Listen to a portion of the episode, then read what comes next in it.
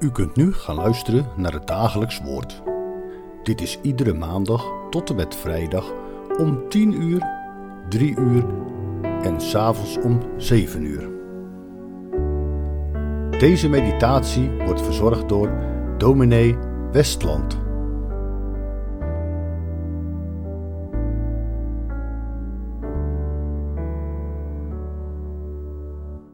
Welkom bij Dagelijks Woord.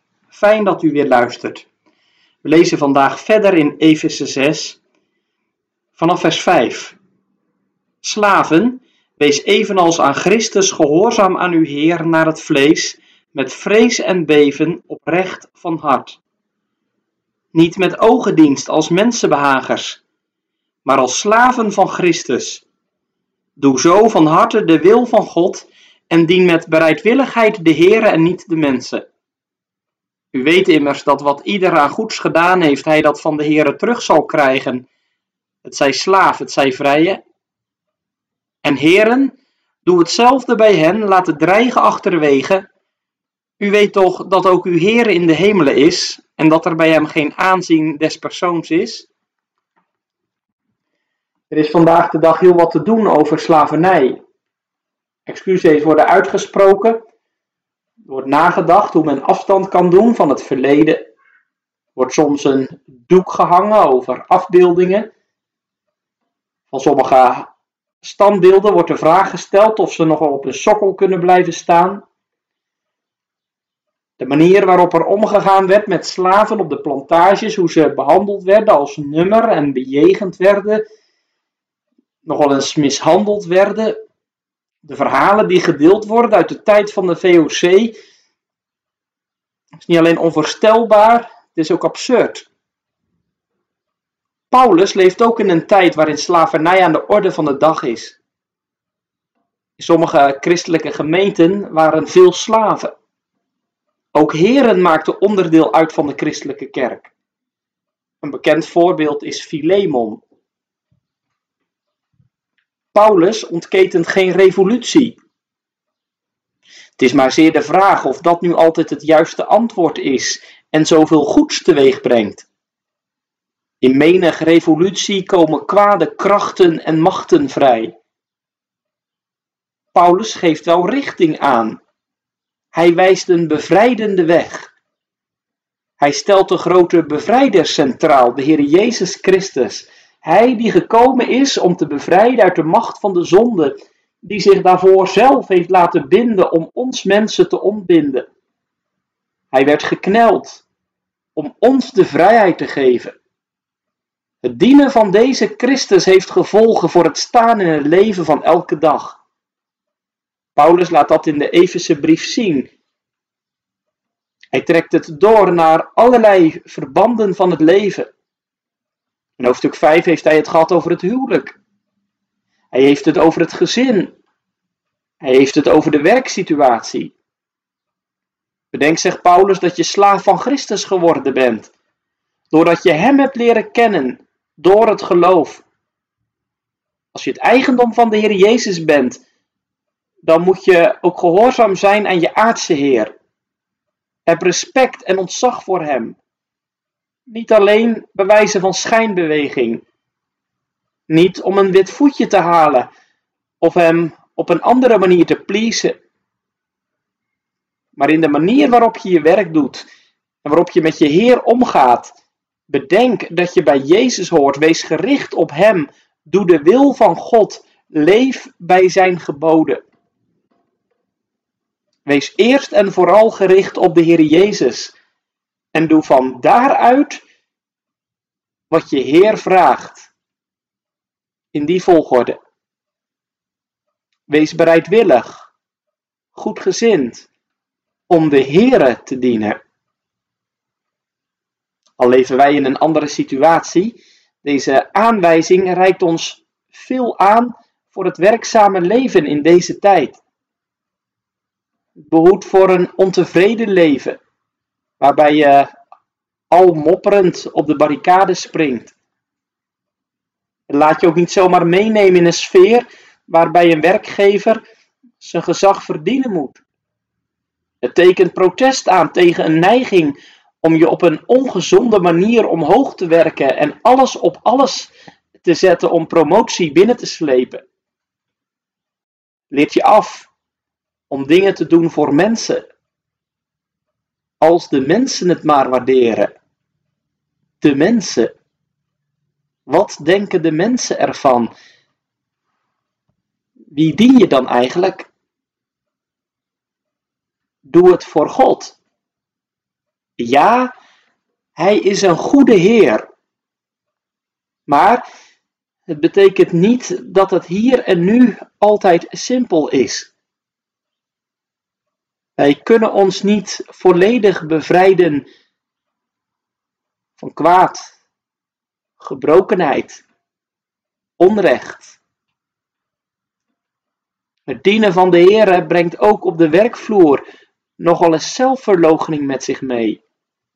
Niet dat je alles maar moet laten gebeuren, dat je nooit eens wat mag zeggen van iets.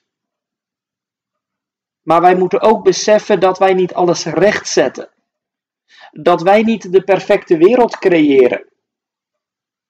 Wat kom je op de werkvloer soms veel onrecht tegen? Wat voel je soms machteloos? Het maakt je misschien wel erg moedeloos. Je kunt dan eenvoudigweg de slachtofferrol innemen. Maar dat is nou ook weer niet de bedoeling. Wees gericht op Christus, die zich klein gemaakt heeft. Hij die op de onderste tree is gaan staan. Door wat hij heeft doorgemaakt, is er voor u een beloning. Een genadige beloning. Want al wat gedaan is uit liefde voor de Heere, dat houdt zijn waarde en zal blijven bestaan. Ook in je trouw aan de Heer Jezus Christus op de werkvloer. Paulus heeft ook een woord voor de Heer. Laat het dreigen achterwege. Mogen ze nooit eens wat zeggen? Dat wel. Het corrigeren is niks mis. Maar de manier waarop, daar gaat het om. Niet bedreigen. Daar zit in niet mishandelen, niet hard en genadeloos straffen. U weet toch, schrijft Paulus, dat ook uw Heere in de hemelen is. U kunt maar niet doen wat u wil. U hebt zelf verantwoording af te leggen. Maar als Hij uw Heer is, dan hebt u ook zelf ontvangen. En als je zelf ontvangen hebt, genade ontvangen hebt, dan kun je toch ook niet anders dan genadig zijn voor de ander. Als je liefde ontvangen hebt, dan kun je toch niet anders dan ook die ander behandelen in liefde. Laat je zeker niet omkopen. Wees niet partijdig. Ga niet mee in corruptie. Laat niet bepalend zijn welke slaaf je mag en welke niet. Behandel ze allemaal hetzelfde. Doe eervol je werk. Dunkt, daar zitten genoeg praktische lessen in. Voor werkgevers in deze tijd. U die werkt en een mooi bedrijf hebt. Hebt u er visie op hoe je de Jezus dient? In uw bedrijf en hoe u omgaat met uw werknemers. U die uw werk doet, denkt u er wel eens over na wat het betekent om dat als christen te doen, om dat voor Christus te doen? Laat het ons in de manier waarop wij met anderen omgaan, om de Heer Jezus gaan. Laat er ruimte zijn om Hem te eren, om Hem te dienen. Twee gevouwen handen aan het begin van de dag helpen daarbij. Heilige Geest, laat de vrucht van het geloof in de Heer Jezus opbloeien in mijn werk. Tot eer van God. Amen. Laten wij samen bidden. Heer in de hemel, wij danken u voor de praktische aanwijzingen die u geeft in de Bijbel. Wij danken u, Heer Jezus, dat u zichzelf weggecijferd hebt, dat u slaaf geworden bent om mensen in de vrijheid te zetten. En geef dat we vanuit die vrijheid ons werk doen. Dat we omgaan met onze werkgever, met onze werknemers. Geef dat we gericht zijn op de Heer Jezus Christus. Niet op mensen, niet op onszelf. Niet op ons eigen recht en op ons eigen gelijk. Geef dat we niet in de slachtofferrol kruipen. Maar dat we ons eerst en vooral eigendom van U weten. Gekocht door het bloed van de Heer Jezus Christus. Geef dat we het in het geloof van U verwachten. Heren, wij bidden U, wilt U ons zo zegenen in ons leven.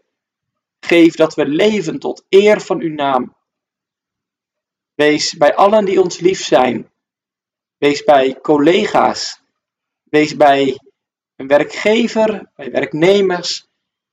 En als we niet meer hoeven te werken, heren, dan bidden wij u, heren, wilt u ook nabij zijn u heeft voor ons allemaal een roeping in uw koninkrijk. Wilt u daarin ook uw zegen geven? Geef dat we er zijn voor u. Here, u wil ik dienen. U wil ik volgen. We vragen u, wilt u bij deze wereld zijn? Denk aan mensen die gevlucht zijn uit Oekraïne. We denken aan wat daar gaande is. Wilt u rust geven? Wilt u vrede geven? Wij bidden voor zoveel andere plaatsen in de wereld waar geweld is. We bidden voor hen die te maken hebben met onrecht. Wilt u het onrecht opheffen? Al die plaatsen in de wereld waar mensen verdrukt worden, mishandeld, uitgebuit, waar corruptie is, o God, wilt u er een einde aan maken?